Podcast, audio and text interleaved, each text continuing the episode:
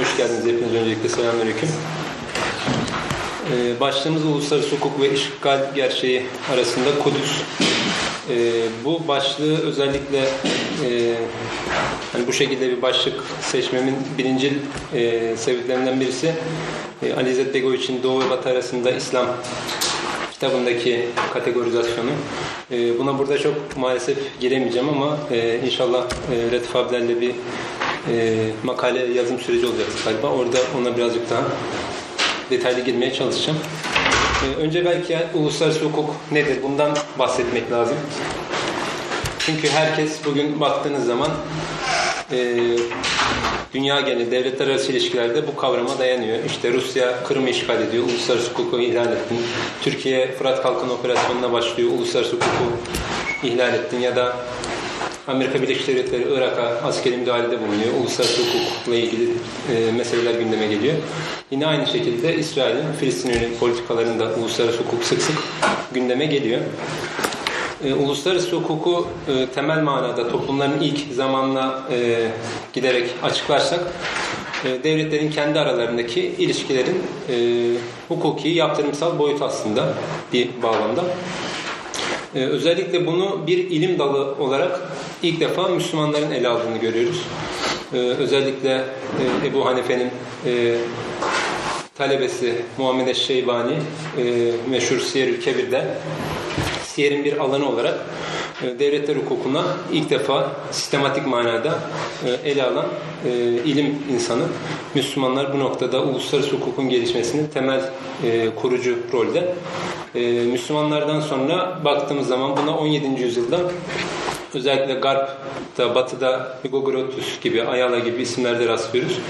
E, Hugo Grotius'a hatta e, bazı batılı isimler e, Muhammed Eşşeybani'yi anlatırlarken Müslümanların Hugo Grotius'u derler. O şekilde bir tabir kullanıyorlar. E, aslında Müslümanlar da bu e, Batı'dan bin yıl önce e, gündeme gelmiş bir ilim dalı, devletler arası hukuk, devletler hukuku. Farklı isimlerle nitelendiriliyor. İşte kimisi milletler arası hukuk diyor, kimisi uluslararası hukuk diyor, kimisi devletler hukuku diyor. E, ben daha çok devletler hukuku kavramını kullanıyorum ama burada uluslararası hukuku tercih ettik. Birazcık daha e, özel bazı sebepleri de var bunun. Şimdi uluslararası hukuk Özellikle e, 17. yüzyıldan sonra Westfalia Barış Anlaşması meşhur. 30 yüzyıl savaşlarından sonra yapılan bir anlaşma. Bundan sonra modern bir e, sürece girdi ve e, en son günümüzde Birleşmiş Milletler Anlaşması'yla ve birçok sözleşmeyle e, yeni bir forma büründü. Burada e, ilk önce belki işgal meselesine değineceğimiz için uluslararası hukuktan sonra e, ülke kazanma şekillerini kısaca e, zikretmek lazım. E, burada e, ülke kazanılması belli bir insan topluluğunun belli bir toprak parçasında e, egemenlik kurması manasına geliyor ve bunun çeşitli yolları var. Özellikle 2. Dünya Savaşı'ndan sonra fetihle devlet e, daha doğrusu fethiyle ülke kazanımı, toprak kazanımı e, gayrimeşru kabul edildi tüm e, uluslararası e, hukuk camiasında, devletler camiasında. Burada keşif yoluyla toprak kazanımı örneğin e, daha önce keşfedilmemiş bir toprağın örnek veriyorum işte Endonezya açıklarında bir adanın ya da Türkiye'nin Yunanistan'la meşhur bir kardak krizi oldu hepinizin bildiği üzere. Daha önce bilinmeyen bir toprak parçasının e, keşfiyle toprak kazanımını anlıyoruz burada. İşgal yoluyla toprak kazanımı e, burada e, bir devletin e, sahipsiz yahut da e, egemenlik olmayan bir e, toprak parçasında e, bir e, işgal faaliyetine girişimi sonrasında kazanılan toprak kazanma biçimi e, kazandırıcı zaman aşımı yoluyla toprak kazanımı meşhur hukuk e, terimlerinden birisidir bu kazandırıcı zaman aşımı meselesi. Yani bir toprağın başka bir devlet tarafından e, ele geçirilmesi ve toprağa ele geçirilen devletin buna uzun süre çekişmesiz bir şekilde herhangi bir karşılık vermemesi sonucunda e, toprağın zaman içerisinde işgal eden devletin sayılması. Yine doğal oluşum yoluyla toprak kazanımı Başka bir yöntem devir yoluyla toprak kazanımı. E, buna örnek Alaska'nın e, Rusya'dan ABD tarafından satın alınması verilebilir. Yine e, Osmanlı Devleti'nin Bosna Hersek'i Avusturya Macaristan İmparatorluğu'na 54 milyon altın la bırakması buna örnek verilebilir 1908 yılında. Bu devir meselesinin farklı e, yöntemleri de var. Mesela kirayla yapılabiliyor bu. İşte ABD'nin Küba'daki meşhur Guantanamo üssünü e, şeyden e, Küba'dan kiralaması. E, bunun bir örneği. Yine Hong Kong İngiltere tarafından Çin'den kiralanıyor 99 yılına. 1998'de yanlış hatırlamıyorsam geri teslim ediyorlar. E, ücretsiz de olabiliyor, olabiliyor bu kiralama e, hususu. E, ilhak yoluyla toprak kazanımı ve fetih yoluyla toprak kazanımı.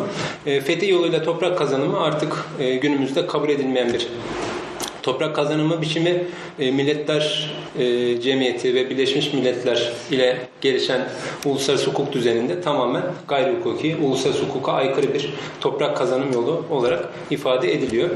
E, özellikle Milletler Cemiyeti Sözleşmesi'nin 10. maddesinde fetih hakkından vazgeçilmesine vurgu yapıyor. Daha sonrasında 1928'de Bryant-Kellogg Sözleşmesi var.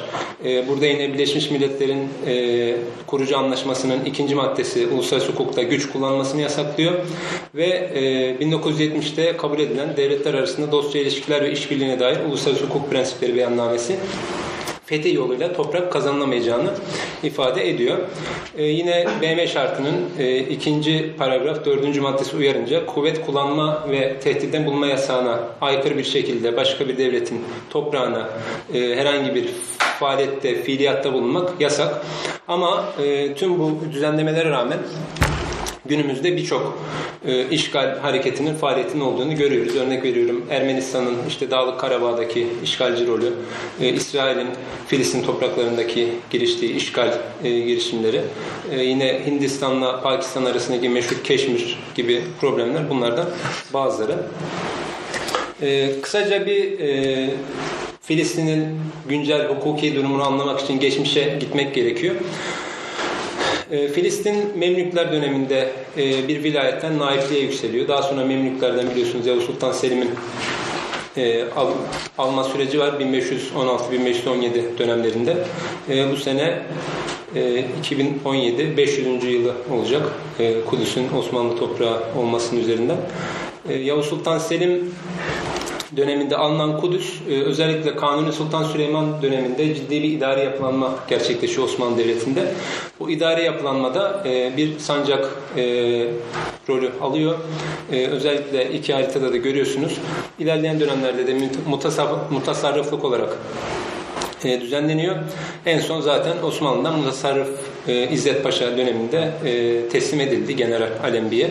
Burada da zaten haritadan görebiliyorsunuz.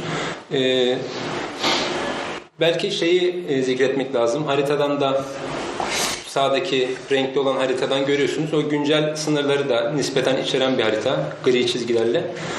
Aslında Kudüs, e, Filistin toprakları işte o Sky-Picot anlaşmasında meşhur e, cetvelle çizilen topraklar değil sadece. E, Filistin toprakları biraz daha geniş bir toprak. Bunun içinde şu an hali hazırda Ürdün e, diye bahsedilen ülkenin belli e, bölümleri de içerisinde e, Trans Ürdün diye zaten bölgenin çoğunluğu ifade ediliyor. Bu General Alembi'nin Kudüs'e giriş anı e, 1917'de Aralık 1917'de e, sağda zaten görüyorsunuz Kubbetü Sahra'nın orada e, soldaki fotoğrafta da Yafa kapısından şehre girişini görebiliyorsunuz. E, burada İngiltere e, Kudüs'ü ve Filistin bölgesini Osmanlı'dan aldıktan sonra tabi Suriye bölgesi Fransızlara bırakılıyor ve e, Filistin, Ürdün bölgesi tamamen İngilizlerin hakimiyetine geçiyor. Burada e, bir manda idaresi tesis ediyor İngiltere. Burası önemli bir nokta. Şimdi manda hepinizin tarihsel bilgide bildiğiniz üzere e, bir ülke topluluğunun kendini yönetebilecek bir e, pozisyona geldikten sonra bağımsızlığını kazanabileceği bir e, idare biçimi olarak o dönemlerde ifade ediliyordu. Birinci Dünya Savaşı'ndan sonra aslında sömürgeciliğin birazcık daha e, Wilson prensiplerindeki o sert determinasyon ilkesiyle yumuşatılmış hali. E, sert determinasyon ilkesinde meşhur her e, toplumun, her halkın kendi kaderini tayin etmesine ciddi bir vurgu yapılıyor. Bu Birinci Dünya Savaşı'ndan sonra önceki süreçte yine aynı şekilde e, dünyada ciddi e, etki uyandıran bir prensip.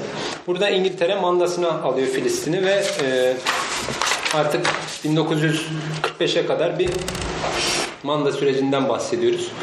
E, 1947'ye kadar pardon.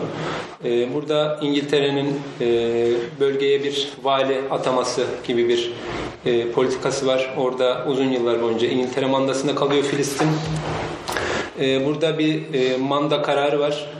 Çeşitli maddelerden oluşan. Özellikle kutsal bölgelerin Müslümanlara ait olduğu Burak duvarının da mesela şu an Yahudilerin hiçbir şekilde Müslümanları sokmadığı Burak duvarının da Müslümanlara ait olduğu ama Yahudilerin buraya Müslümanları rahatsız etmeden gelip ibadet vesaire maksatlı kullanabileceğine dair çeşitli vurgular var. E, burada bütün dini gruplar e, bir bütün olarak kabul ediliyor. E, tabi bölgeye Yahudi e, göçleri sonrasında ciddi bir gerilim e, süreci yaşanıyor Filistinliler ve Yahudiler arasında. E, burada 1930 yılında Milletler Cemiyeti'nin Filistin'e bir uluslararası araştırma komisyonu gönderdiğini görüyoruz. Burada e, belli başlı bazı temel prensipler var. E, Harem-el Şerif'in ayrılmaz bir parçası, e, bir vakıf mülkü. E, Batı duvarının tek sahibi de Müslümanlar. Bunu 1930'da bir daha vurguluyorlar. Yine e, Fas mahallesi İsrail'in 1967'de e, Kudüs'ü e, işgali sırasında Doğu Kudüs'e girdiği sırada ilk yıktığı mahalle Magrib e, Magaribe Mahallesi, e, Fas Mahallesi denilen yer Müslümanlara ait bu 1930'da yine vurgulanıyor. E, yine özellikle e, Yahudilerin boynuz biçimdeki borazanlarını e, çalmayacakları, Müslümanları rahatsız etmeyecekleri ama yine ibadet hürriyetinin onlara tanındığı noktasında temel kararlar var. Burada bu sürecin önemli ayaklarından birisi Peel raporu. Burada haritayı görüyorsunuz. E, Filistin'in e, bölüştürülmesine dair ilk e, şeylerden birisi bu. Planlardan birisi. Morla belirtilen alanlar Yahudi yerleşim yerleri. Yeşille belirtilen alanlar Arap ülkesi, Filistin ülkesi e, ve Kudüs'ün ilk defa özel bir statü kazandığı e, rapor olarak bu Peel Komisyonu'nun önerisini görüyoruz. E, ilk defa Kudüs'e özel bir statü tanınıyor burada. Zaten orada da gördüğünüz üzere. E, İngiliz mandasında kalacak bir şekilde planlanıyor Kudüs. Çünkü ikisine de verilecek kadar e, göz ardı edilemiyor Peel raporunda. Ee, burada 1920 ile 45 arasındaki Yahudi göçüne kısaca bir e, okuma yaparken böyle bir tabloya rastlamıştım. E, hani ilgimi çektiği için e, paylaşmak istedim bunu da. E, burada göçmenlerin toplam sayısı var 1920'den 45'e kadar. Görüyorsunuz her yıl kategorik olarak artışlar var. Arada bazı dönemlerde e, azalışlar yaşanıyor. İşte 27 ile 31 arasında. Bu dönemlerde e, Filistinlerin İngiltere'ye yaşanan bu Yahudi göçünden dolayı ciddi tepkileri var. E, bundan dolayı ara ara bu göçler e, yavaşlıyor. E, en sonunda zaten e, Yahudi nüfusu birkaç katına çıktı bu göçler sonucunda. E, burada e, Manda sürecinden sonra e, tabi e, İngiltere artık arada bir İkinci Dünya Savaşı süreci var.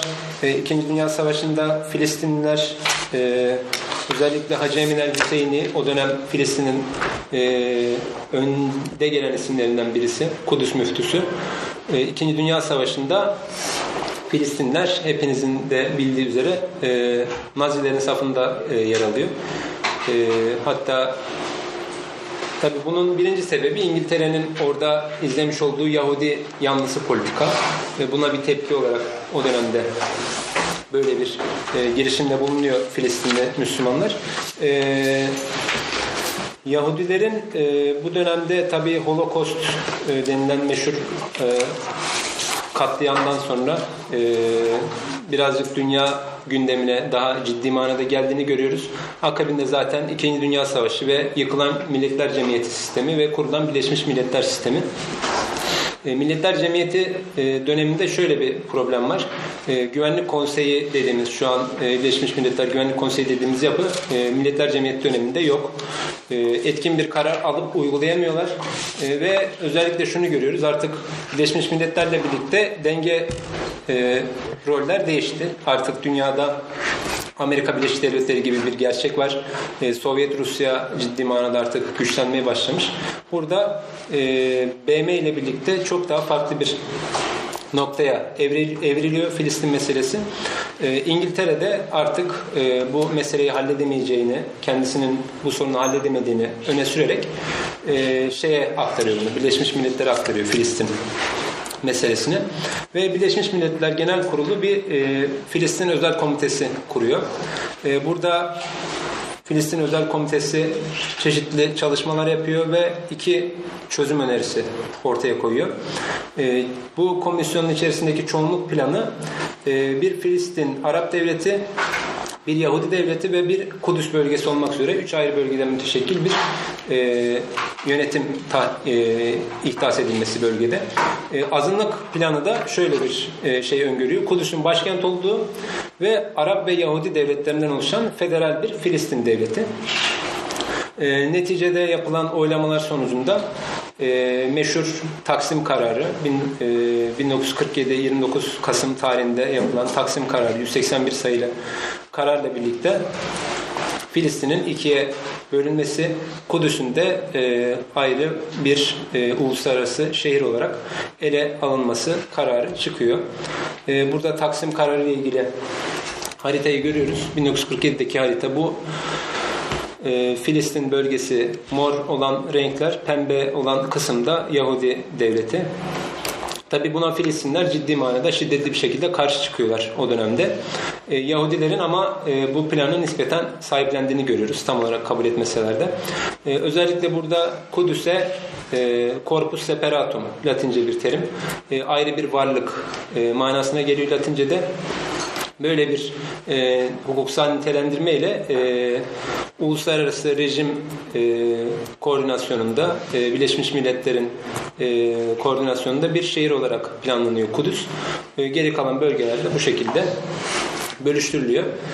E, burada e, çeşitli e, Kudüs kentiyle ilgili uluslararası şehir olarak e, belirlendikten sonra neler yapılacağına dair bazı kararlar var. İşte bir kent statüsü hazırlanacak. Bu kent statüsünün de çeşitli e, o dönemde kararlaştırılan alt e, meseleleri var. İşte e, bir yasama kurulu, e, bağımsız bir adalet sistemi, Arapça ve İbranice'nin e, resmi diller olması, e, kutsal bölgelerden herkesin özgürce yararlanacak olması gibi birçok e, karar veriliyor.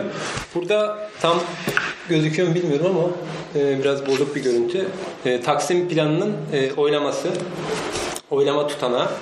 E, hangi ülke hangi oyu vermiş onu e, gözüküyor mu bilmiyorum ama görebiliyorsunuz. E, şu dikkat çekici, tabii Müslüman ülkelerin e, çoğu hatta tamamı buna hayır oy veriyor Taksim planına. Batı'dan Taksim planına hayır oy veren tek ülke Yunanistan. E, burası enteresan. E, neticede de 33 evet, 10 hayır ve 10 kararsız oyla birlikte e, Taksim planı geçiyor Birleşmiş Milletler'den. E, burada tabi temel tartışmalardan birisi şu, e, şimdi self determinasyon dedik. İşte Manda'dan sonra e, herkes kendi ülkesini yönetebilecek seviyeye geldikten sonra e, kendi kararını tayin edecek diye bir karar vardı. Milletler Cemiyeti'nin, Birleşmiş Milletler de bu ilkeye özellikle vurgu yapıyordu. Ama e, Birleşmiş Milletler e, bu oylama sürecinde yine e, az önce söylediğimiz özel komite de bu kararı, bu Taksim planını hazırladığı süreçte hiçbir şekilde Filistin halkına e, tam manasıyla fikrini sormuyor ya da bir referandum yapma gibi bir e, girişimde bulunmuyor. Bir Taksim kararı veriliyor e, diğer devletler tarafından ve e, bu Taksim kararı çerçevesinde e, Filistin ülkesinin bölüşüleceği kararlaştırılıyor. Bu hala hukuki manada bence en kilit e, noktalardan birisi. Ben böyle görüyorum. Çünkü gelinen noktada belki en sonunda bunu konuşacağız. Yani şu an biz e, bu Taksim planını kabul eder pozisyona geldik e, Müslümanlar olarak. E, ama bu Taksim planının bizatihi kendisi tamamen hukuksuz. E, bakıyorsunuz bu Taksim planından önce Yahudilerin Filistin topraklarında elinde olan kısım %5.87'lik bir kısım. Ama bu Taksim planı ile birlikte %55'i Yahudilere bırakılıyor Filistin topraklarının. Bu hala ciddi manada meşruiyeti tartışılacak bir konu. Ama biz maalesef dediğim gibi bugün bu planı kabul eder bir pozisyona geldik. E, burada tabi Taksim planından sonra e, İngiltere çekiliyor Filistin'den e, tarihsel kısımları hızlı geçeceğim ve e, o süreçte bir Arap Yahudi Savaşı başlıyor. Burada e, Kudüs ey Kudüs diye bir e, kalın bir şey var. Tarihsel bir roman var. Hani imkanınız olursa ben okumanızı tavsiye ederim. E, o dönemlerde Arap ülkelerinin Filistinlere e, yönelik politikaları, destek vermeme süreçleri, Filistinlerin kendi aralarındaki e, kabile, işte sülale kavgaları e, bir şekilde Yahudilerin kitlesel manada çalıştığını, çabaladığını, silah üretimi için fabrikalar kurmaya çalıştığını, yurt dışında lobiler yaptığını görüyoruz. Ama aynı dönemde Arap ülkeleri kendi aralarında birbirine düşmüş. E, herkes kendi devletinin ikbalini düşünüyor. E, Filistin toplumunda da bakıyorsunuz çeşitli aileler çeşitli sebeplerle birbirine düşmüş durumda ve bu arada Yahudiler ciddi manada bir e, örgütlenmeye giriyor. Yahudi Ulusal Ajansı kuruluyor işte e, meşhur İsrail ordusunun e, temellerini teşkil eden Hagyana isimli ordu kuruluyor. Yine Maksimilist Yahudiler, uç aşırı Yahudiler Irgun isimli örgütü kuruyor. Irgun zaten e, meşhur Deir Yasin katliamını yapan örgüt. Ki Deir Yasin katliamının e, Filistin'in e, özellikle Yahudi toprakları olarak taksim edilen bölgede kalan Arapların, Filistinlerin diğer bölgeye kaçışının temel sebeplerinden birisi Deri Yasin katliamı. Çünkü köyde hiç kimseyi yaşatmıyor Yahudiler. Bütün köyü yakıyorlar. Herkesi katlediyorlar. Bunun haberini alan bütün Filistinler de eşyalarını toplayıp direkt e, Taksim planı çerçevesinde Filistinlere bırakılacağı ifade edilen bölgeye kaçıyorlar.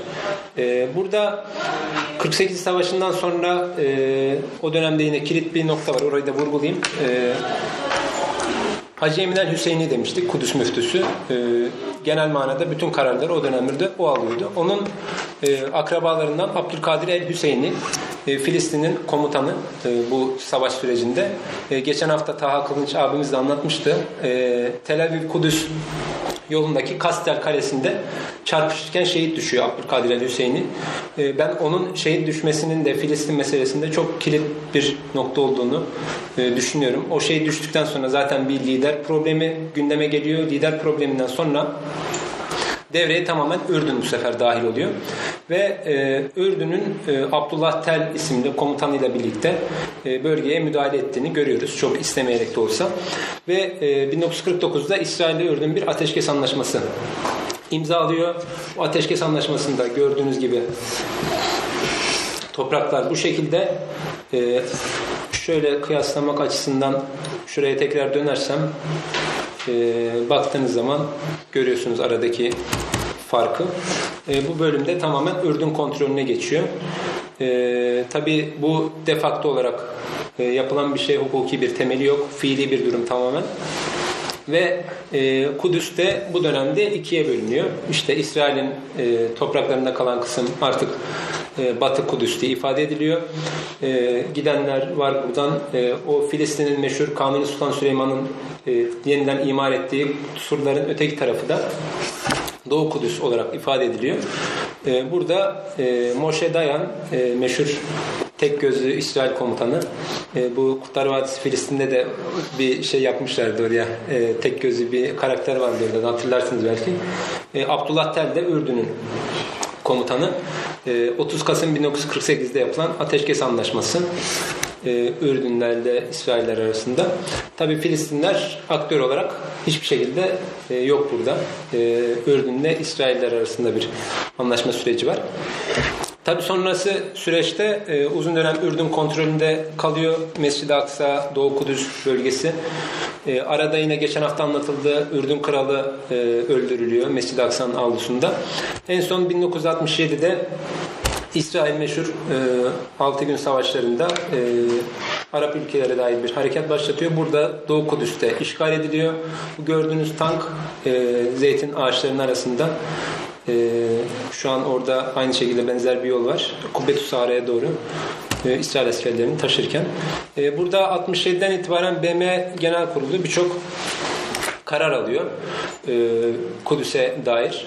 Özellikle 2253, 2254 sayılı kararlar. Bunlar e, Kudüs'ün uluslararası bir şehir statüsünde olduğunu, İsrail'in bunu kesinlikle değiştirmeye girişmemesi, böyle bir e, çabaya girişmemesi noktasında e, kararlar var. Yine 67'de e, vurgulanan 242 e, sayılı karar.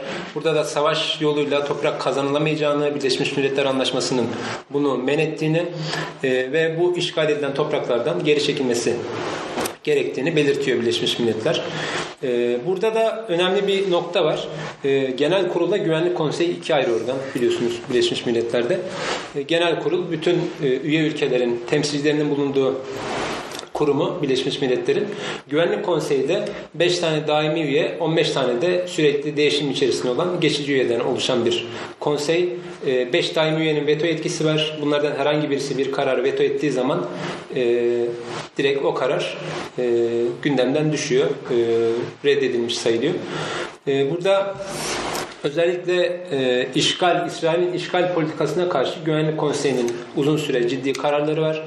Burada temel bazı özellikleri var 67'den beri alınan bu kararların. İşte Kudüs'ün hukuki statüsünün, uluslararası şehir statüsünün kabul edilmesini, buna yönelik hiçbir, e, buna karşı hiçbir tedbirin e, kabul edilemeyeceğini, bunların hepsinin gayri hukuki olduğunu ve Doğu Kudüs'teki işgal edilen bütün topraklardan çekilmesini, yerleşim birimlerinin demografik yapıyı değiştirmeye yönelik faaliyetlerinde gayri hukuki, illegal e, şeyler olduğunu 1967'den itibaren birçok Birleşmiş Milletler kararında görüyoruz. Tabi bunlar genelde karar metni olarak yayınlanan şeyler.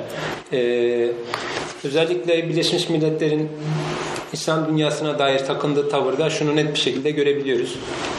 İşte Libya, Irak ya da İran e, yahut Türkiye, Mısır e, herhangi bir Müslüman devlet Birleşmiş Milletler Anlaşması'na mugayir, aykırı bir fiilde bulunduğu zaman e, doğrudan müdahale edebiliyor Birleşmiş Milletler. İşte Saddam Hüseyin kuvveti işgal ettiğinde Irak'a ciddi bir ambargo uygulandı. Ciddi e, hatta insanlık sınırını aşan ambargolar uygulandı. Irak halkına topyekun bir şekilde. Yani kolektif cezalandırma yasak e, uluslararası hukuka göre. E, güncel insan hukuk, insan hakları hukukuna göre yasak. Ama Irak uzun dönem kolektif bir şekilde ambargoya tabi tutuldu. Yine İran biliyorsunuz nükleer e, anlaşmalar, e, nükleer silah süreciyle alakalı uzun yıllar ambargoya maruz kaldı. E, Libya Kaddafi döneminde e, ciddi manada Birleşmiş Milletler'den uzun süre e, ambargo yedi. En son zaten Kaddafi indirildi. E, NATO ile birlikte şu an darmadağın edilmiş, ikiye bölünmüş bir ülke söz konusu.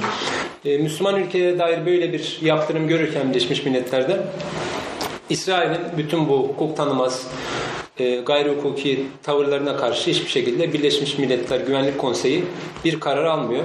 E, tabii bunun birinci sebeplerinden birisi Güvenlik Konseyi'ndeki veto yetkisi. Yani Amerika Birleşik Devletleri'nin İsrail çok net bir şekilde bölgedeki stratejik üssü. Bu e, herkesin malumu olan bir şey. Ve Amerika Birleşik Devletleri de hiçbir şekilde e, İsrail'in güvenliğine aykırı bir e, faaliyete girişmeyecek. Burada belki en sonunda tartışacağımız bir mesele var. Orada tekrar e, buraya gelebiliriz. E, 1969'da Mescid-i Aksa kundaklanıyor. Meşhur e, bu da kundaklama anından bir e, fotoğraf. E, Avustralyalı bir Yahudi e, Mescid-i Aksa'nın avlusuna girerek e, içeriye molotof atıyor. E, Nurettin Zengin'in e, yaptırdığı e, Selahattin Eyyubi'nin de Mescid-i Aksa'nın içine koyduğu meşhur Zengi minberi de bu saldırı sonrasında kül oluyor. E, burada yine BM Güvenlik Konseyi 271 sayılı kararla İsrail'in uluslararası hukuk kurallarını gözetmesi gerektiğine dair e, kararlar alıyor. E, yine birçok sonraki süreçte kararlar var. Bunlarda temel e, bazı dayanak noktaları şu. Hani uluslararası hukuka göre biz e, hangi şeylere dayanarak e, İsrail'in yaptığı şeyler uluslararası hukuka aykırı diyoruz. Birincisi 242'li iki sayılı karar e, bu Kudüs'ün statüsünü değiştirmeye yönelik bütün faaliyetlerin gayri hukuki olduğunu vurguluyor. 1949 sayılı 4. Cenevre Sözleşmesi, İsrail bu sözleşmeye taraf. E, buna rağmen e, savaş halinde sivil kişilerin korunmasına dair bu sözleşmeye sürekli aykırı faaliyetlerde bulunuyor. E, yine 71'de Güvenlik Konseyi'nin aldığı 298 sayılı karar, bu da Kudüs'e yönelik bütün statü değişiklik kararlarının gayri hukuki olduğunu vurguluyor. E, burada kırılma noktalarından birisi e, Kudüs statüsü dediği, Kudüs yasası dediği Yahudilerin e, sol tarafta İbranice metni olan yasa e, 29 Temmuz 1980'de e, Kudüs İsrail'in birleşmiş bir bütün halinde bütün devlet başkanlığı, hükümet, parlamento, yüksek mahkemenin içerisinde yer alacağı başkent olarak ilan ediliyor ve burada ilhak ifadesi kullanılmıyor. Burası enteresan. Birleştirme ifadesini kullanıyor İsrail bu Kudüs yasasında. Ee, burada Cenevre Sözleşmesi'ne işte e, BM Güvenlik Konseyi'nin aldığı kararlara e, atıf yapılarak tekrar bu yasanın, Kudüs yasasının, bu temel yasanın geçersiz olduğuna dair e, kararlar alınıyor. İsrail'in burada dış dünyaya da bir çağrısı var. Biz başkent olarak Kudüs'ü ilan ediyoruz. Bütün diplomatik temsilciliklerimizle Kudüs'e taşıyın.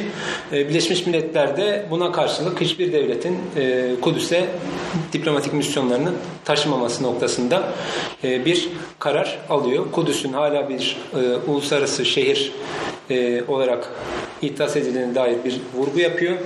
Burada 13 tane ülkenin büyükelçiliği var Kudüs'te. Costa Rica, Bolivya, Şili gibi e, Güney Amerika ülkeleri genellikle. E, Avrupa'dan da Hollanda'nın vardı. En son 2006'da Costa Rica'nın da çekmesiyle e, bütün e, baş şeyler, konsolosluklar tamamen Tel Aviv'e taşınmış oldu. Şu an Kudüs'te e, Türkiye'nin büyükelçiliği dışında hiçbir büyükelçilik binası yok. Türkiye'nin büyükelçiliği de zaten Filistin büyükelçiliği. E, 1967'den önce de orada olmamızdan dolayı şu an Kudüs'te diplomatik e, misyonu olan tek ülke Türkiye. E, burada bir de 1988'de Filistin Ulusal Konseyi e, bir e, devlet ilanında bulunuyor. Benim tez konumun temel şeylerinden birisi de bu. E, Filistin devletini ilan ediyorlar. 1988'de nerede ilan ediyorlar? Cezayir'de ilan ediliyor e, Filistin devleti ve Kudüs'ün de bu devletin başkenti olduğu e, ilan ediliyor. Tabii burada Birleşmiş Milletler yine e, Filistin'in e, bu ilanından sonra e, Kudüs'ün hala uluslararası bir şehir statüsünde olduğunu, herhangi bir devletin başkenti olmayacağına dair çeşitli vurgular yapıyor. Burada e, en alttaki şeyi belki vurgulayarak bu kısmı da e, atlayabiliriz. E, Kudüs Belediyesi'nin uzun yıllar Arap ilişkileri danışmanı olan Yeşofat Palmon, e, önce toprağı alırız, hukuk daha sonra gelir diye bir ifade kullanıyor. Hani bu İsrail'in aslında bölgedeki e, şeyini ifade eden temel şeylerden birisi. E, burada vurgulamak istediğim bazı şeyler daha var. Onları şöyle not almıştım.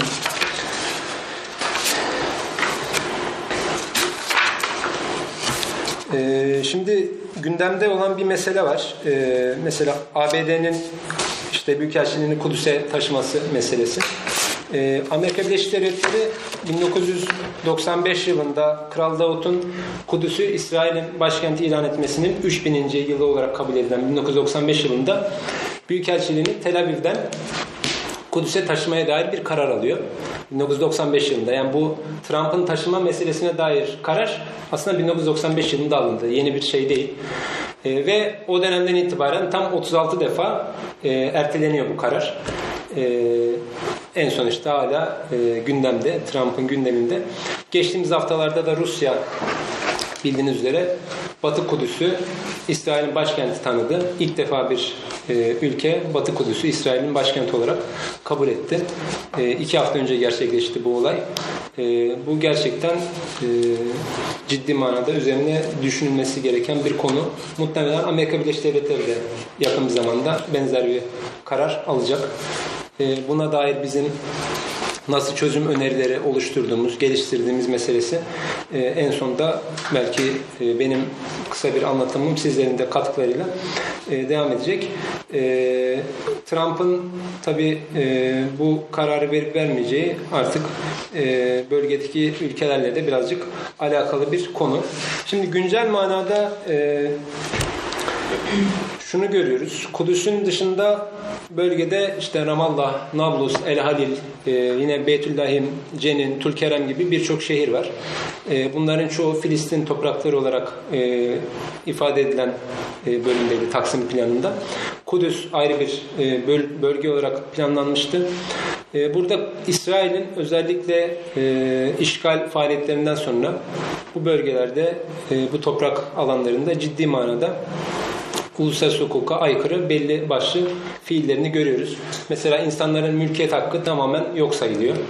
E, birisi herhangi bir suça karıştığı zaman, en ufak bir suça karıştığı zaman e, doğrudan evi yıkılıyor e, ya da e, evine el konuluyor, topraklarına el konuluyor.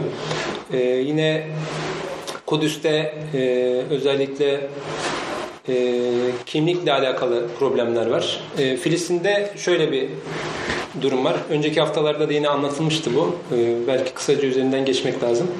Şimdi Ürdün'ün de bir Doğu Kudüs ve e, Batı Şeria bölgesinde hakimiyet olduğu için o dönemlerde Ürdün, Ürdün pasaportu veriyor bölge halkına. E, orada yaşayan e, Filistinlerin tamamı Ürdün pasaportuna sahip. E, şeye geçemiyorlar bunlar tabii. İsrail tarafına, ayrım duvarının öteki tarafına geçişleri tamamen yasak bu isimlerin.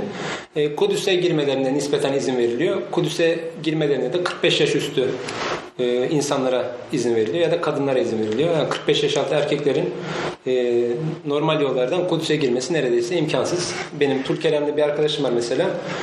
E, o anlatıyordu. Sadece bir kere geçenlerde annesinin rahatsızlığı bahanesiyle işte Kudüs tarafına geçebilmiş. E, bizzat yakınında e, dağa çıktığında bir tepeye çıktığında uzaktan Kudüs'ü görebiliyor ama gidip orayı ziyaret edemiyor. Maalesef öyle acı bir durum var. Yine İsrail'in çocuklara yönelik ciddi manada tutuklama ve gözaltına alma faaliyetlerini görüyoruz. E, burada Yeryüzü Adalet İnsan Hakları Derneği'nin bir e, raporu var e, imkanınız olursa göz atabilirsiniz. Kudüs'te çocuk tutuklamaları diye. Yani 12 yaşında 13 yaşında çocuklar aylarca orada tutuklu kalıyor. E, bununla ilgili güzel bir rapor tutulmuş. Bölgedeki insanların da ifadeleri, görüşleri alınarak. E, şimdi burada Yine güncel meselelerden e, geçtiğimiz Aralık ayında biliyorsunuz e, Birleşmiş Milletler Güvenlik Konseyi bir karar aldı. İsrail'in e, bu yerleşim politikasını, yerleşimci, işgalci politikasını derhal durdurması yönünde bir karar aldı Güvenlik Konseyi. Tabi herkes böyle bir alkışladı, o çok güzel falan diye ama uygulanabildiği yine yok. İsrail daha dün haberlerde görmüştüm. Ee, geçtiğimiz hafta 10 e, bin konut, konut e, yapılmasına dair bir karar aldı Kudüs'te sadece. Ee, İsrail işgali yine hız kesmeden e, mütemadiyen devam ediyor. Obama'nın aslında ben biraz gider ayak kendi vicdanla rahatlatma şey olarak görüyorum bunu. Çünkü tam görevden görev bırakmadan birkaç gün önce alındı bu karar. Amerika Birleşik Devletleri uzun süre sonra ilk defa veto etmedi. İsrail'e ilişkin yaptırım e, içeren bir kararı e, çekimser kaldı. Bundan dolayı da geçti e, Güvenlik Konseyi'nden. E, yine ezan yasağı gündeme geldi. Hepinizin takip ettiği üzere ibadet hürriyeti noktasında bu ciddi bir sıkıntı teşkil ediyor. Kudüs'te yaşayan Filistinlerin ikamet izni noktasında İsrail ciddi problemler çıkarıyor. E, bunların birçoğu güncel uluslararası hukuk anlaşmalarına, sözleşmelerine göre uluslararası hukuka, anlaşmalara aykırı e, meseleler. E, İslam İşbirliği Teşkilatı'na kısaca bir vurgu yapmak istiyorum. E, İslam İşbirliği Teşkilatı hepinizin bildiği üzere e, az önce fotoğrafını gösterdiğimiz bu meşhur kundaklama hadisesinden sonra e, Ürdün Kralı Hüseyin'in, Kral Hüseyin'in de e, girişimleriyle kurulan bir teşkilat. İslam Konferansı Örgütü ismiyle ilk başta e, kuruluyor. Ebedi başkenti örgütün Kudüs kabul ediliyor ama Kudüs işgal altında olduğu için geçici olarak e, biz e, Cidde şehrini e, İslam Konferansı Örgütü'ne baş e, genel sekreterlik makamı olarak e, kabul ediyoruz şeklinde bir bildirisi var anlaşma metninde ve Kudüs'ün Filistin'in bağımsızlığını elde edene kadar ciddi manada e, emek sarf edeceğini ifade ediyor İslam İşbirliği Teşkilatı.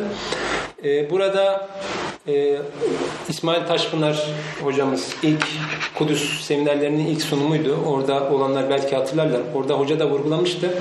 E, enteresan bir şey var. İslam İşbirliği Teşkilatı'nın Kudüs Komitesi diye Kudüs'le ilgili güncel meseleleri, Kudüs'ün uluslararası hukuk meselelerini takip eden bir komitesi var. E, bu komitenin e, yürütücü ülkesi Fas. E, enteresan bir şekilde. E, Fas'ın olma sebebi de İsrail'in bu işgalde e, 67 işgalinde az önce bahsettiğim o Megarip Fas mahallesine ilk E, girer girmez orayı yakıp yıkıyorlar. E, Fas da çok ciddi bir tepki gösteriyor o dönemde. Nasıl böyle bir şey yaparlar falan diye. Bu İslam İşbirliği Teşkilatı'nın kurulma sürecinde de diğer ülkeler diyor ki tamam o zaman seni burada görevlendirelim. E, burada Kudüs'ün haklarını uluslararası camiada bizim adımıza sen savun. Hani Fas'ın nasıl bir e, yaptırımsal gücü olabileceğini, uluslararası e, arenada nasıl bir e, pozisyonda olduğunu az çok hepimiz e, kestirebiliyoruz. E, herhangi yaptırımsal gücü olmayan bir ülke e, İslam İşbirliği Teşkilatı tarafından bu noktada görevlendirilmiş. Yani hiçbir şey yapma demek gibi bir şey aslında herhalde bu belli noktalarda. E, burada sonuçsal olarak ufaktan e, toparlayayım. Ee, ne yapmak lazım? Belki bunu e, tartışmamız gerekiyor. Bir kere Birleşmiş Milletler'den ben e, hali hazırdaki yapısı e, üzerinden e, Kudüs'e ve Filistin'e yönelik bir e, yaptırımsal manada bir karar çıkabileceğine inanmıyorum. E, buna hiçbir Müslüman neredeyse inanmıyor. Hiç e, batılı e, bu meseleyi dert edinen insanlar da buna inanmıyorlar. E, burada ciddi manada İsrail yönelik kitlesel bir e, yaptırım uygulanması gerekiyor. İsrail'in rejimi şu an uyguladığı rejim Güney Afrika'da e, işte apartheid rejimi diye ifade edilen ırkçı politikaya dönmüş durumda şu an. E, ve Güney Afrika'daki bu ırkçı politika sürecinde biliyorsunuz e, küresel bir yaptırım kararı alınmıştı Güney Afrika'ya ve e, bu yaptırım sonucunda Güney Afrika'daki beyazlar e, bu ırkçı tutumlarından vazgeçmek ve daha eşit statüye sahip bir devleti kabul etmek durumunda kalmışlardı. Hani bugün günümüzde e, Müslümanların, Müslüman ülkelerin e, bir şekilde bir araya gelip İslam İşbirliği Teşkilatı nezdinde e, ciddi bir e, çalışma ortaya koyarak Filistin'e ve Kudüs'e dair yaptırımsal bazı kararlar aldırması gerekiyor Birleşmiş Milletler'e. E, geçtiğimiz hafta yine anlatıldı, e, sık sık da vurgulanır. E, meşhur petrol krizinde Kral Faysal döneminde, Suudi kralı şehit edilen Kral Faysal döneminde alınan bir karar sonucunda bütün dünya bir anda şoka uğramıştı. Petrol krizi olarak ifade edilen petrol ambargosu meselesinde. Burada Müslüman ülkelerin bir araya gelip e, Filistin'e yönelik aktif bazı yaptırım kararları alması birinci noktada önemli. İkinci noktada e, ben şunu önemsiyorum. E, uluslararası hukuk meselesine biz maalesef e, çok e, artık e, Araz şeyiyle bakıyoruz. Tahsin Hoca'nın o kitabında çok güzel bir ifadesi vardı Süleyman Hocam. E, tarihte biz bir cevherken Araz haline dönüştük diye. Ben bunu devletler hukuku manasında da çok e, yerinde bir e, şey olduğunu düşünüyorum. Yani biz devletler hukuku, uluslararası hukuk konusunda tarih içerisinde biz bir cevherdik. E, ilk defa uluslararası hukuku devletler hukukunu sistematikleştiren, e, bu konuda eserler neşreden hatta 17. yüzyılda işte Hugo Grotius'lara ilham kaynağı olan bir e, hukuk ortaya koymuşken bu dönemde Batı'nın e, teşkil ettiği, Batı'nın oluşturduğu hukuk kuralları üzerinden e, kendi coğrafyamıza dair e, algılamaya girişmeye çalışıyoruz. E, burada ciddi problem var. Bizim e, kendi öz kaynaklarımızı da dikkate alarak bu uluslararası hukuk perspektifimizi yeniden güncellememiz gerekiyor. Ee, belki son cümle olarak e, şunu söylemek lazım. Ali İzzet Begoviç'in İslam Deklarasyonu'nda e, ifade ettiği bir cümle. E, Kudüs sadece Filistin veya Arap meselesi değildir. O bütün Müslüman halkların sorunudur. Kudüs'ü elinde tutabilmeleri için Yahudiler İslam ve Müslümanları yenmek zorundadırlar. Ve bu Allah'a şükür onların gücünün dışındadır. Ee, inşallah biz e, bu çalışmalarla, bu gayretlerle Kudüs'ün tekrar hürriyetine kavuşması yolunda birer e, nasıl diyelim nefer oluruz. Bu şekilde tamamlamış olayım. E, ufak tefek bazı yine notlar var. Soru oldukça ben onları da açmaya çalışacağım. Dinlediğiniz için teşekkür ediyorum.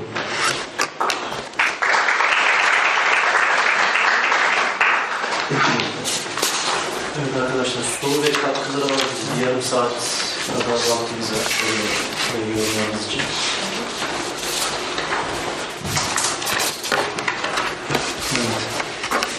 Soruda yorum yoksa ben yine bazı şeyler ekleyeceğim.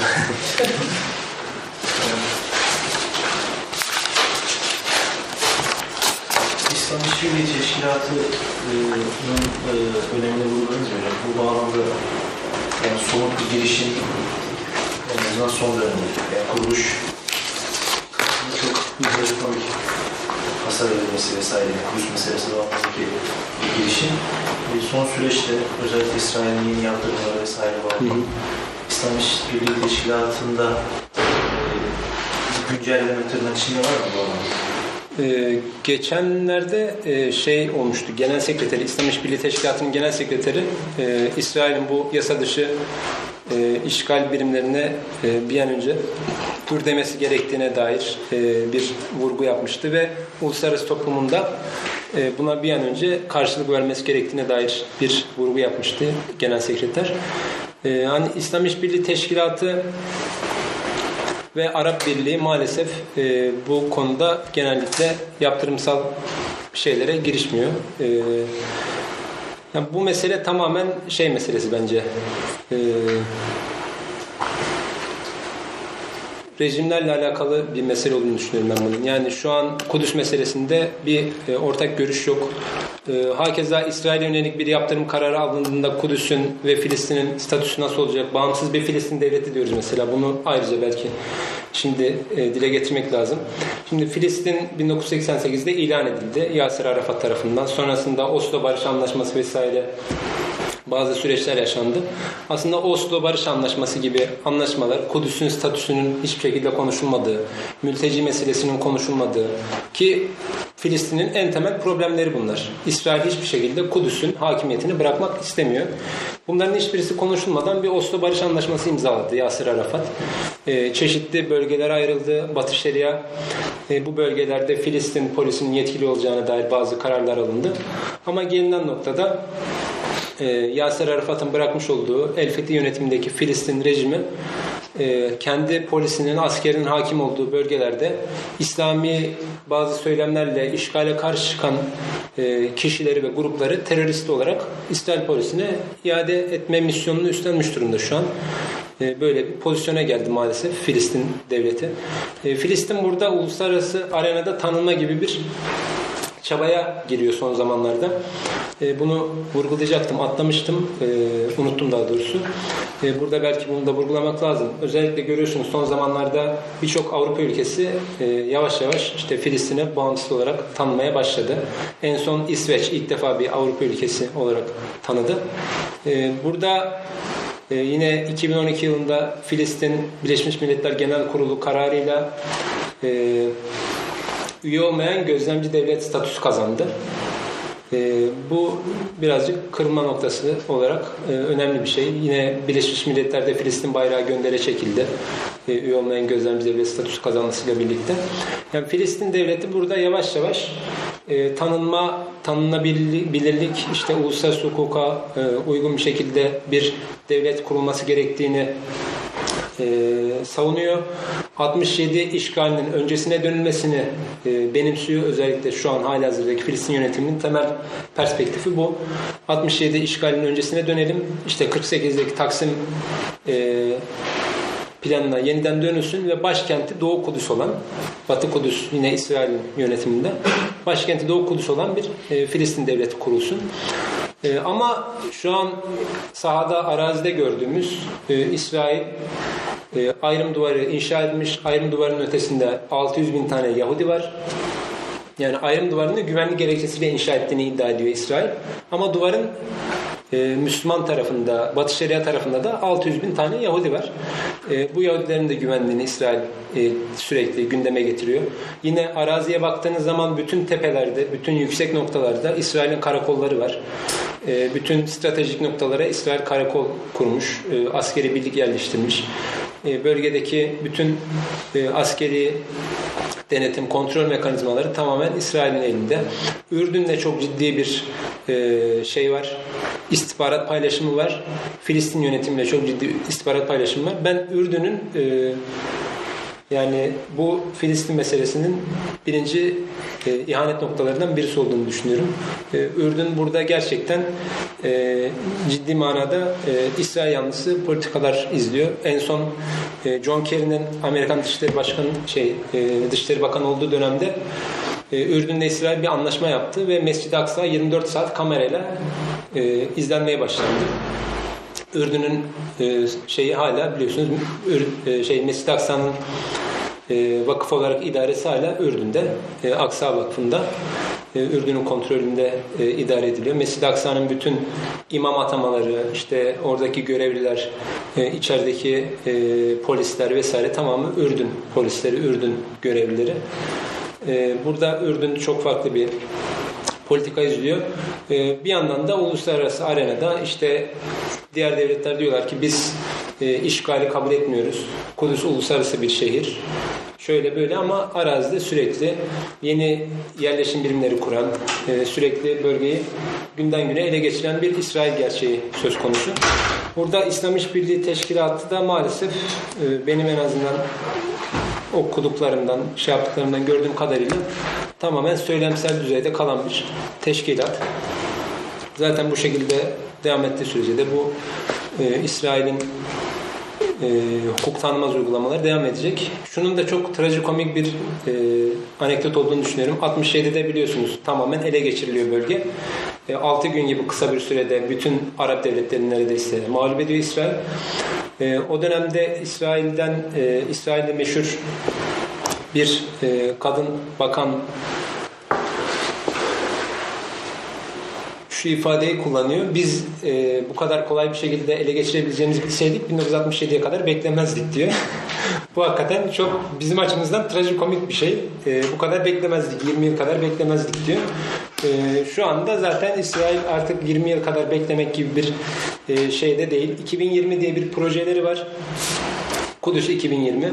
E, Kudüs'ün tamamen demografik yapısının değiştiği, e, belki de e, Mescid-i Aksa'nın bizim için Kudüs'ü anlamlı kılan birinci e, şeyin ibadet alanının da bu Kudüs 2020 planı çerçevesinde tırnak işareti içerisinde statikosunun bozulduğu bir e, plan şu an İsrail öngörüyor. E, 2000'de Harem-i Şerif'in Mescid-i Aksa'nın üst bölgesi Filistin kullanımında kalsın. İşte onun alt bölgesinde biz e, kullanalım şeklinde bir önerisi olmuş Yasser Arafat'a e, İsrail yetkililerin.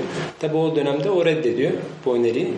Ama gelinen noktada e, Kud- şey Mescid-i Aksa'nın içinin de altının da tamamen İsrail e, denetiminde, gözetimde olduğunu görüyoruz. E, Ariel Sharon'un intifadaya sebep olan o meşhur Mescid-i Aksa ziyaretinden sonra Kudüs e, tamamen Yahudilere kapatıldığını iddia ediyor şey Ürdün. Böyle bir e, deklarasyonda bulunuyor. Kesinlikle Yahudilerin girişine kapalıdır burası diye. Ama yine geldiğimiz noktada e, sürekli İsrail polisinin gözetiminde her gün e, İsrailli yerleşimciler e, Kudüs'e e, götürülüyor. Orada e, Mescid-i Aksa'nın avlusunda gezdiriliyor. Süleyman Tapınağı'nın e, onlara planları anlatılıyor, gösteriliyor. Yani ben Mescid-i Aksa'nın kaderinin de zengin minberinin kaderiyle aynı olabileceği endişesini ciddi manada taşımamız gerektiğini düşünüyorum. Çünkü e, Hazreti İbrahim Camii'ne bunu yaptılar.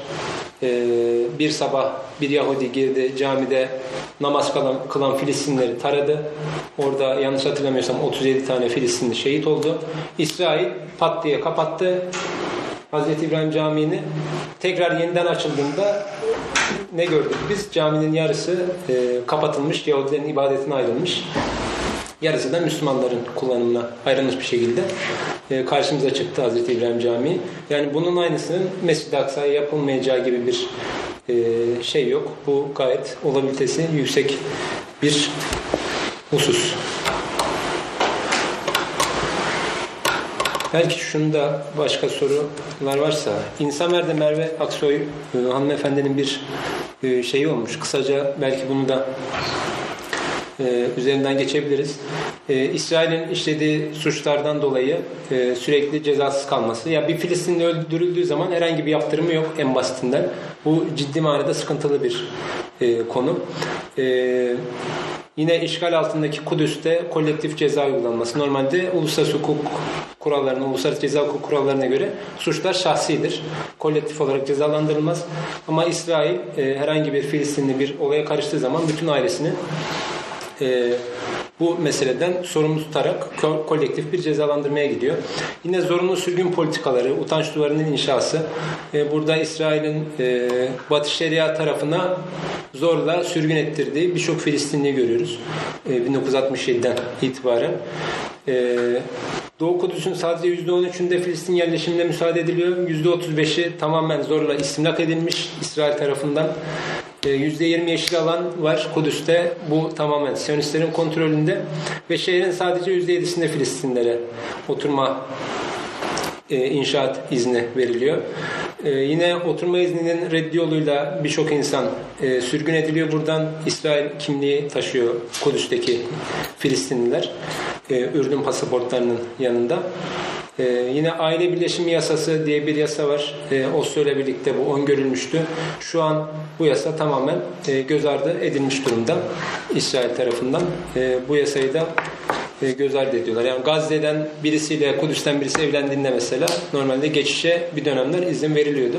Artık bunu tamamen İsrail yönetimi e, engelleyebiliyor. Böyle de bir e, karar uyguluyorlar şu anda. Teşekkür ediyorum. Ee, uluslararası hukukta işte sürekli aykırılıktan bahsettiniz. Çifte standarttan Libya örneğinde, işte Kudüs örneğinde, hatta Saraybosna örneğinde bunun içerisine dahil edebiliriz. Bu noktada uluslararası hukukun meşruiyetini bir varlık olarak uluslararası hukukun meşruiyetini ve inandırıcılığını siz nasıl buluyorsunuz yani? Ya bence e, uluslararası hukuku tamamen reddetmemek lazım. E, ama kolektif bir şekilde kabul edilmesini de ben çok e, yerinde bulmuyorum. Şimdi yani bazı realiteler var. Şu an e, dünyada devlet olarak tanınmanın birinci aracı Birleşmiş Milletler. E, örnek veriyorum işte Irak Şam İslam Devleti'nin, IŞİD'in ben devletim, kendi devletim ilan ediyorum diye beyanatta bulunması klasik dönemde e, devlet olarak kabul edilebilecek bir unsurken şu anda değil. Şu an bütün devletler Birleşmiş Milletler üzerinden uluslararasılaşabiliyor. Artık Birleşmiş Milletler, Birleşmiş Milletler Anlaşması, işte uluslararası bazı insani hukuk sözleşmeleri, e, insancıl hukuk doktrinleri e, bir üst fenomen haline gelmiş durumda şu an. Yani ben Müslümanların e, uluslararası hukuka dair e, perspektiflerini birazcık daha genişletmeleri gerektiğini düşünüyorum ve uluslararası hukukun uygulanması noktasında temel nokta güç, güç faktörü. E, güç zaman uluslararası hukuku uygulayabiliyorsunuz ya da uygulayamıyorsunuz. E, yani Rusya Gürcistan'ı işgal ettiğinde işte Kırım'ı işgal etti. Tamamen e, topraklarına kattı. E, hiçbir dünya ülkesi buna hiçbir şekilde bir e, karşı reflekste bulunmadı. Burada Müslümanların da e, şu prensipleri göz önünde bulundurarak hareket etmesi gerektiğini düşünüyorum. Şimdi genelde bizim özellikle devletler hukuku şeyinde Darül Harp, Darül İslam diye kategorize edilir. Aslında orada bir de Darül Ahd var e, ahd edilen, anlaşma yapılan e, topraklar. Yani Darül Ahd da aslında e, Darül İslam'la benzer hükümlerin uygulandığı bir toprak bölümü. E, bu meseleyi de ben böyle yeniden gündeme getirip e, konuşmamız gerektiğini düşünüyorum. Yani Darül Ahd'ta Darül Harp hükümleri uygulanmaz. E, burada biz e, Müslüman ülkeler olarak tabi ulus devletler manasında maalesef bugün bunlar konuşuyoruz ama e, Darül Ahd meselesiyle birlikte uluslararası hukuku, Birleşmiş Milletler Sözleşmesi'ni yeniden e, bir gözden geçirmeliyiz. Sözleşmeye baktığımızda böyle çok hani bize aykırı işte ya bu e, bizim değerlerimize aykırı, şeylerimize aykırı diyebileceğimiz şeyler çok çok az aslında. Ama uygulanabilirlik noktasında maalesef temel problemler var. Burada da ben birinci unsurun biraz güç meselesi olduğunu düşünüyorum. Ee, örnek veriyorum.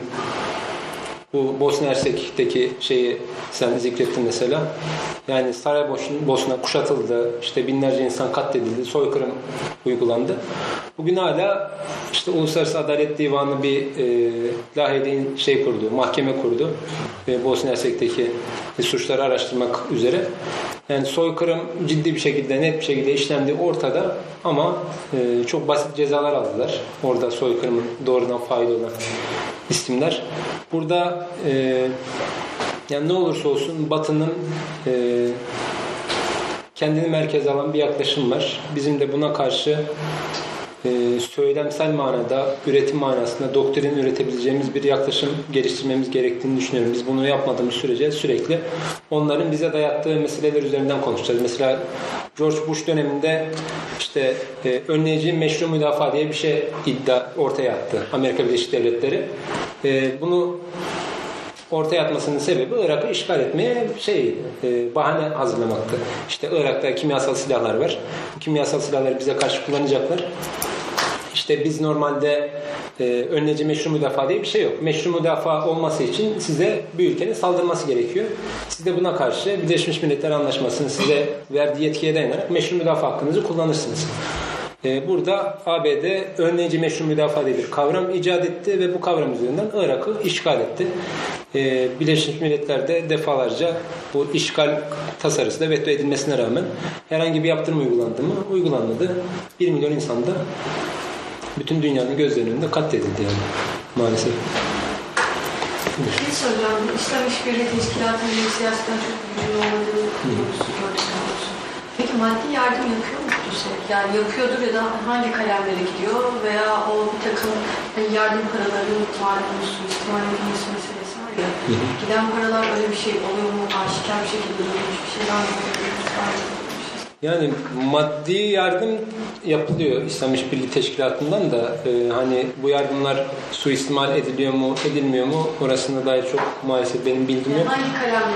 Mesela işte eğitim verilir Ee. Yani geçenlerde görmüştüm e, ufak tefek bazı okul, hastane gibi e, şeyler var yapılan. E, ama böyle ciddi manada İslam İşbirliği Teşkilatı'nın bölgede girişebildiği bir e, şey yok. Çünkü e, Mescid-i Aksa'nın avlusunda tek bir çivi çakmak için Ürdün'den izin almanız lazım. Hadi Ürdün işte teşkilatın üyesi kabul ediyor bazı şeyleri ama Kudüs'le ilgili bütün kararlar İsrail engeline takılıyor. Ee, yanılmıyorsam iki ya da üç önceki sunumdu burada. Reha Ermumcu, e, Yunus Emre Enstitüsü'nün çalışanı abimiz burada gelip e, sunum yapmıştı. En ufak bir şeyde bile İsrail ile ilgili çok ciddi e, izin alma problemleri yaşıyoruz diye ifade etti durumu. E, yani Türkiye'nin diplomatik misyonu devreye girse dahi çok ciddi problemler yaşanıyor. En basitinden buradan biz dedi bir e, Mevlevi grubu götürüp orada sema gösterisi yapacaklardı. Onunla ilgili uzun süre vize alamadık dedi. Yani okulu hastaneye geçin, oraya gitmek için vize dahi alamıyorlar. İsrail belki görmüşsünüzdür. Üç gün önce turistlerin Batı Şeria tarafına geçmesini yasaklayan bir karar aldı. Gelen tepki üzerine geri çektiler. Aslında bunlar şey yani biraz böyle refleks ölçme hareketleri sanki. Böyle çok geri çekeceğinden ziyade nasıl bir tepki veriyorlar. Çünkü şunu görüyoruz. İsrail sürekli bir şey yapıyor tepki veriyorsunuz, eleştiriyorsunuz, slogan atıyorsunuz. Ondan sonra bakıyorsunuz fiil olarak kabul etmiş durumdasınız. Ee, bunu İsrail artık gayet net bir şekilde fark etmiş durumda ve bunu fark ettiği için de sürekli e, ara ara yoklamalarla birlikte e, bazı kararları alıyor. Mesela Mavi Marmara Anlaşması imzalandı. Yani Türkiye için hakikaten büyük bir utanç kaynağı olması lazım bunun. Metinde e, Kudüs ve Ankara yazıyordu anlaşma metninde. Türkiye'nin başkenti Ankara. Tamam hadi ona eyvallah. Yani burada aslında siz e, anlaşma metninde zımni olarak İsrail'in başkentini Kudüs kabul etmişsinizdir gibi bir mana çıkar buradan. Yani o metne Kudüs nasıl yazdırıldı, e, bunu nasıl yazdılar hakikaten insan e, hayret ediyor. E, yine Reha Ermumcu buraya geldiğinde anlatmıştı. Sürekli devlet erkanında. Ben özellikle ben sormuştum bunu ona da. Ee, hani siz böyle anlatıyorsunuz, konuşuyorsunuz ama hani dışişleri bu şekilde politikalar izliyor. Bununla ilgili ne düşünüyorsunuz diye. Yani şunu ifade etti. Dış işleri sürekli ya başımıza iş açmayın. İşte ortalığı karıştırmayın. Ee, orada işte size imkan verdikleri ölçütte bir şeyler yapın.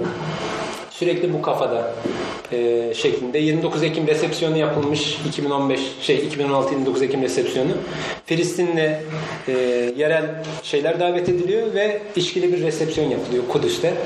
E, bunlar maalesef Türkiye Cumhuriyeti'nin gerçekleri. E, şu an dünya sisteminde belki bu Birleşmiş Milletler'deki adaletsizliğe en çok vurgu yapan ülkelerden birisi devlet yönetimi nezdinde Türkiye ama hani sahadaki fiili uygulamada, bürokratik uygulamada aslında Türkiye'nin de İsrail'e yönelik çok böyle e, aman aman yaptırımsal şeyler yapmadığını da uygulamalardan maalesef görüyoruz yani. Zaten Filistinliler de bunu çok vurguluyorlar. Evet yani gerçekten biz tartışmıştık da e, siz gerçekten evet bizim sesimizi duyuyorsunuz farklı işte uluslararası mahkemelerde ama sadece sesimizi duyuyorsunuz. Eylemlerin çok da bir şey Türkiye. Öyle yani Mavi Marmara ilgili anlaşma çok ciddi hayal kırıklığına sebep oldu mesela. Belki Türkiye'de çok bu konuşulmadı ama hani benim konuştuğum arkadaşlarım çok ciddi hayal kırıklığına sebep olduğunu anlattılar Filistin coğrafyasında. Ee, belki son olarak şunu ben söylemek istiyorum. Hani buradan nasıl kurtulacağız biz? Ee, bu Filistin meselesini nasıl e, ele alacağız? Ee, burada Hamas çok ciddi bir e, figür. Ee, Filistin'in tanınması meselesinde de Hamas çok ciddi bir figür.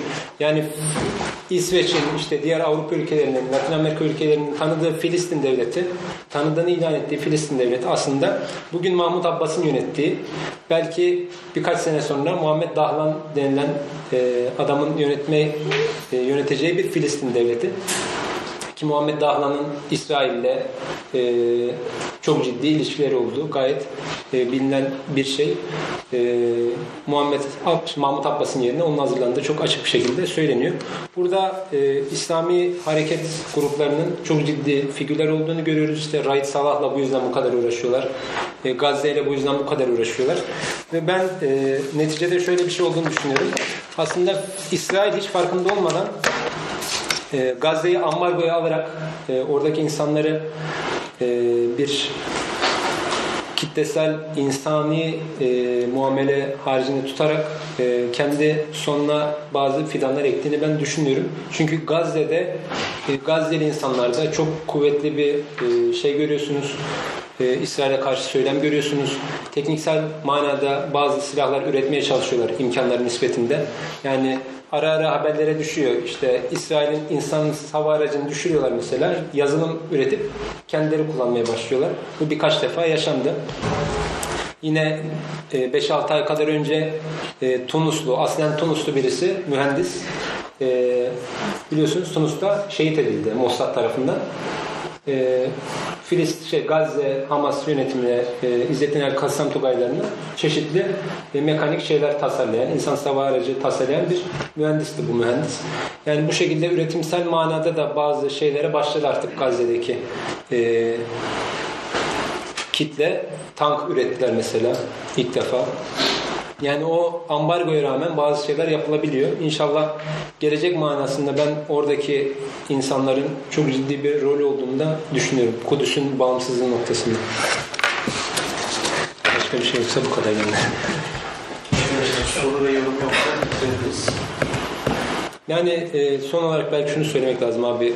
Bir sürü karar var. Hala da kararlar almaya devam ediyor. E, ama hani hepsinde göreceğiniz ortak nokta tekrar onu vurgulayayım. Kudüs meselesinde. E, Kudüs uluslararası bir şehirdir. Bu statüyü hiç kimse bozamaz. Sürekli bu vurgulanıyor. Ama vurgulanma arazideki işgal gerçeğini maalesef hiçbir şekilde değiştirmiyor. Araplarıyla bağlantılı olarak Mısır'da eğer darbe gerçekleşmeseydi İhvan e, kalsaydı herhangi bir farklılık, herhangi bir yaptırım olabilir miydi? Nasıl bir durum? Yani ihvan kalmış olsaydı e, Kudüs'e belki doğrudan bir şey yapamazdı Mısır ama e, Gazze'ye çok ciddi e, o dönemlerde şey yapıldı. Refah sınır kapısı açıldı vesaire. Yani Gazze'de o Kudüs'ün fethine yönelik e, asabiye ve teknik manada çalışmalar çok daha belki güçlendirilebilirdi. Ama maalesef şu anda tamamen teclis edilmiş bir pozisyonda Gazze. Hala abluka devam ediyor. dört bir yandan kuşatı- kuşatılmış bir pozisyonda e, tüm bunların yanında İsrail Doğu Akdeniz'de e, Gazze'nin açıklarında doğal gaz buldu biliyorsunuz. E, bu doğal gazı da yavaştan çıkarmaya başlayacaklar artık. Burada e, bundan sonra ben hani Mısır'da Sisi yönetiminin haricinde bir şeyin gelmesinin, iktidara getirilmesinin çok da mümkün olduğunu da düşünüyorum. Peki şey bu Türkiye ile İsrail arasında yapılan anlaşmanın bağlantısı olduğu söyleniyor. Yani orada çok ciddi bir doğalgaz şeyi var çünkü e, ne derler ona rezervi var. E, İsrail'de o doğalgaz rezervine enteresan bir isim verdi. Leviathan diye. Belki dikkatinizi çekmiştir. Tevrat'ta geçen bir tabir. E, dünya yönetecek e, hükümdar olarak belki kısaca ifade edebiliriz. Thomas Hobbes'un da eserine isim veren e, bir kavram. Yani İsrail oradaki o doğalgaz rezervini kendisi açısından çok ciddi bir şey olarak görüyor. Ee, Türkiye bunu neden kabul etti? Ee, bunu biraz belki şeylerde aramak lazım. Ee, ne derler? Hangi bakanlıkta o işlere bakan doğalgaza? Enerji ve Tabii Kaynaklar Bakanlığı'na bakmak lazım.